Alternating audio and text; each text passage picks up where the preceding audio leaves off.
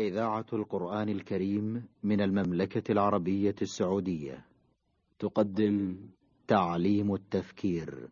من منظور إسلامي. برنامج أسبوعي من إعداد وتقديم الدكتور خالد بن منصور أدريس. البرنامج من تنفيذ عبد الكريم بن أحمد المجحد. بسم الله الرحمن الرحيم. إن الحمد لله نحمده ونستعينه ونستغفره ونعوذ بالله من شرور أنفسنا وسيئات أعمالنا.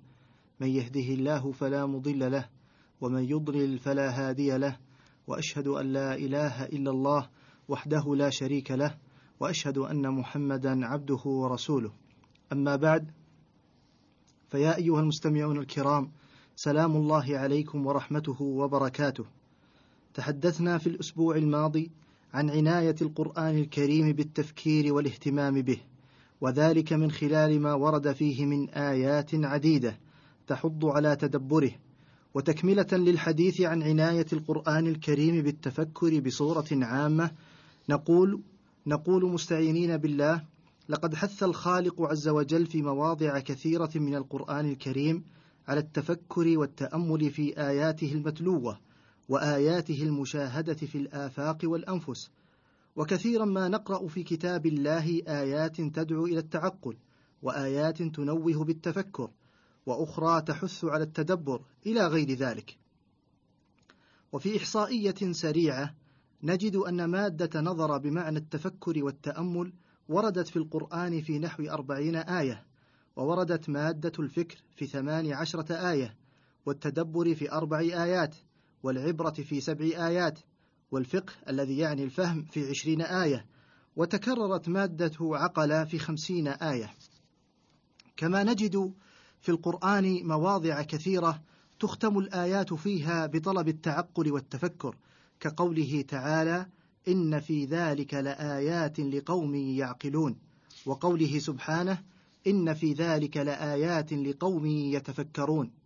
ومما يبين أهمية التفكير وعناية القرآن به ما ورد فيه من تشنيع على أولئك الذين عطلوا عقولهم وتفكيرهم فلم يستدلوا بها على خالقهم ورازقهم سبحانه ولم ينتفعوا بما يشاهدونه من آيات الله في الآفاق وفي الأنفس ولم يتدبروا آياته المتلوة وما فيها من النور والهدى والشفاء. قال عز وجل في شأن المعطلين لعقولهم أفلم يسيروا في الأرض فتكون لهم قلوب يعقلون بها أو آذان, يسم أو آذان يسمعون بها فإنها لا تعمى الأبصار ولكن تعمى القلوب التي في الصدور. أيها المستمعون الكرام إن قضية التفكير في القرآن الكريم ليست بالقضية الثانوية أو الهامشية بل هي من القضايا الجوهرية المحورية. تأملوا معي أيها الإخوة قول الخالق عز وجل وأنزلنا إليك الذكر لتبين للناس ما نزل إليهم ولعلهم يتفكرون. سنجد أن المولى سبحانه وتعالى ذكر في هذه الآية حكمتين من حكم إنزال القرآن على النبي صلى الله عليه وسلم.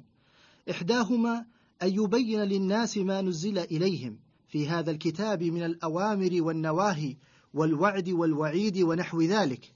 الحكمة الثانية هي التفكر في آياته والاتعاظ بها كما قال هنا جل ذكره ولعلهم يتفكرون إن مجالات التفكير التي حث الخالق عز وجل عباده عليها في كتابه الكريم عديدة. من أهمها النظر في الظواهر الكونية كما في قوله تعالى إن في خلق السماوات والأرض واختلاف الليل والنهار لآيات لأولي الألباب الذين يذكرون الله قياما وقعودا وعلى جنوبهم ويتفكرون في خلق السماوات والأرض. ربنا ما خلقت هذا باطلا سبحانك فقنا عذاب النار. ومن المجالات كذلك الأمر بالسير في الأرض لمعرفة كيفية بدء الخلق. قال تعالى قل سيروا في الأرض فانظروا كيف بدأ الخلق. ومن مجالات التفكر المطلوبة في القرآن النظر في عاقبة الأمم المكذبة للرسل المنحرفة عن شرع الله كما في قوله تعالى قل سيروا في الأرض ثم انظروا كيف كان عاقبة المكذبين كما حث القرآن على التفكر في القصص القرآني كما في قوله تعالى فاقصص القصص لعلهم يتفكرون كذلك حث على التفكر في الأنفس البشرية كما في قوله تعالى وفي أنفسكم أفلا تبصرون ومن المجالات المهمة في قضية التفكير في القرآن أن يتفكر الإنسان في فناء الدنيا وبقاء الآخرة كما في قوله تعالى كذلك يبين الله لكم الآيات لعلكم تتفكرون في الدنيا والآخرة أي لكي تتفكروا في الدنيا وسرعة انقضائها فترفضوها وفي الآخرة وبقائها وأنها دار الجزاء فتعمروها. ومن الآيات الحاثة على التفكير التي تحتاج إلى التدبر قوله تعالى قل إنما أعظكم بواحدة أن تقوموا لله مثنى وفرادى ثم تتفكروا ما بصاحبكم من جنة إن هو إلا نذير لكم بين يدي عذاب شديد. ويقول الشيخ عبد الرحمن بن سعد في تفسير هذه الآية الكريمة قل يا أيها الرسول لهؤلاء المكذبين المعاندين المتصدين لرد الحق وتكذيبه والقدح بمن جاء به إنما أعظكم بواحدة أي بخصلة واحدة أشير عليكم بها وأنصح لكم في سلوكها وهي طريق النصف لست أدعوكم بها إلى اتباع قولي ولا إلى ترك قولكم من دون موجب لذلك وهي أن تقوموا لله مثنى وفرادى أي تنهضوا بهمة ونشاط وقصد لاتباع الصواب وإخلاص لله مجتمعين ومتباحثين في ذلك ومتناظرين وفرادى كل واحد يخاطب نفسه بذلك. فإذا قمتم لله مثنى وفرادى استعملتم فكركم وأجلتموه وتدبرتم أحوال رسولكم. هل هو مجنون فيه صفات المجانين من كلامه وهيئته وصفته أم هو نبي صادق؟ فلو قبلوا هذه الموعظة واستعملوها لتبين لهم أكثر من غيرهم أن رسول الله صلى الله عليه وسلم ليس بمجنون لأن هيئته ليست كهيئة المجانين في خنقهم واختلاجهم ونظرهم بل إن هيئته أحسن الهيئات وحركاته عليه الصلاة والسلام أجل الحركات وهو أكمل الخلق أدبا وسكينة وتواضعا ووقارا. وهذه الصفات لا تكون إلا لأرزن الرجال عقلا.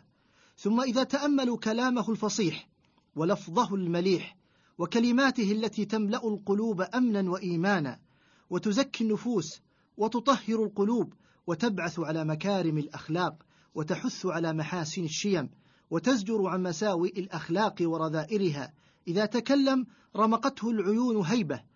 إذا تكلم رمقته العيون هيبة واجلالا وتعظيما. فهل هذا يشبه هذيان المجانين؟ فكل من تدبر أحواله وقصده استعلام هل هو رسول الله هل هو رسول الله أم لا سواء تفكر وحده أم مع غيره جزم بأنه رسول الله حقا ونبيه صدقا خصوصا المخاطبين وهو صاحبهم وهو صاحبهم يعرفون أول أمره وآخره. انتهى كلامه رحمه الله. وتتضمن هذه الآية الكريمة الأسلوب الأمثل لطلب الحقيقة والتفكير فيها. فالمطلوب الأول هو الإخلاص لله كما قال تعالى أن تقوموا لله وهذا يقتضي التجرد من الأهواء والشهوات والاعتبارات النفعية المادية والمصالح الشخصية الدنيوية. إن الإخلاص لله يعني البعد عن التحيزات الباطلة التي يتأثر بها الإنسان أو يميل إليها بطبعه وهذا يتطلب التخلص من التأثير الجماهيري ومخالفة العادات الاجتماعية ومجانبة التقاليد الموروثة إلى آخر تلك التحيزات التي تحول بين المفكر والحق. والمطلوب الثاني في هذه الآية الكريمة أن يكون تفكرهم مثنى وفرادى يقول ابن القيم رحمه الله تعالى ولما كان للإنسان الذي يطلب معرفة الحق والصواب حالتان الأولى أن يكون ناظرا مع نفسه والثانية أن يكون مناظرا لغيره أمرهم بخصلة واحدة. أمرهم بخصلة واحدة.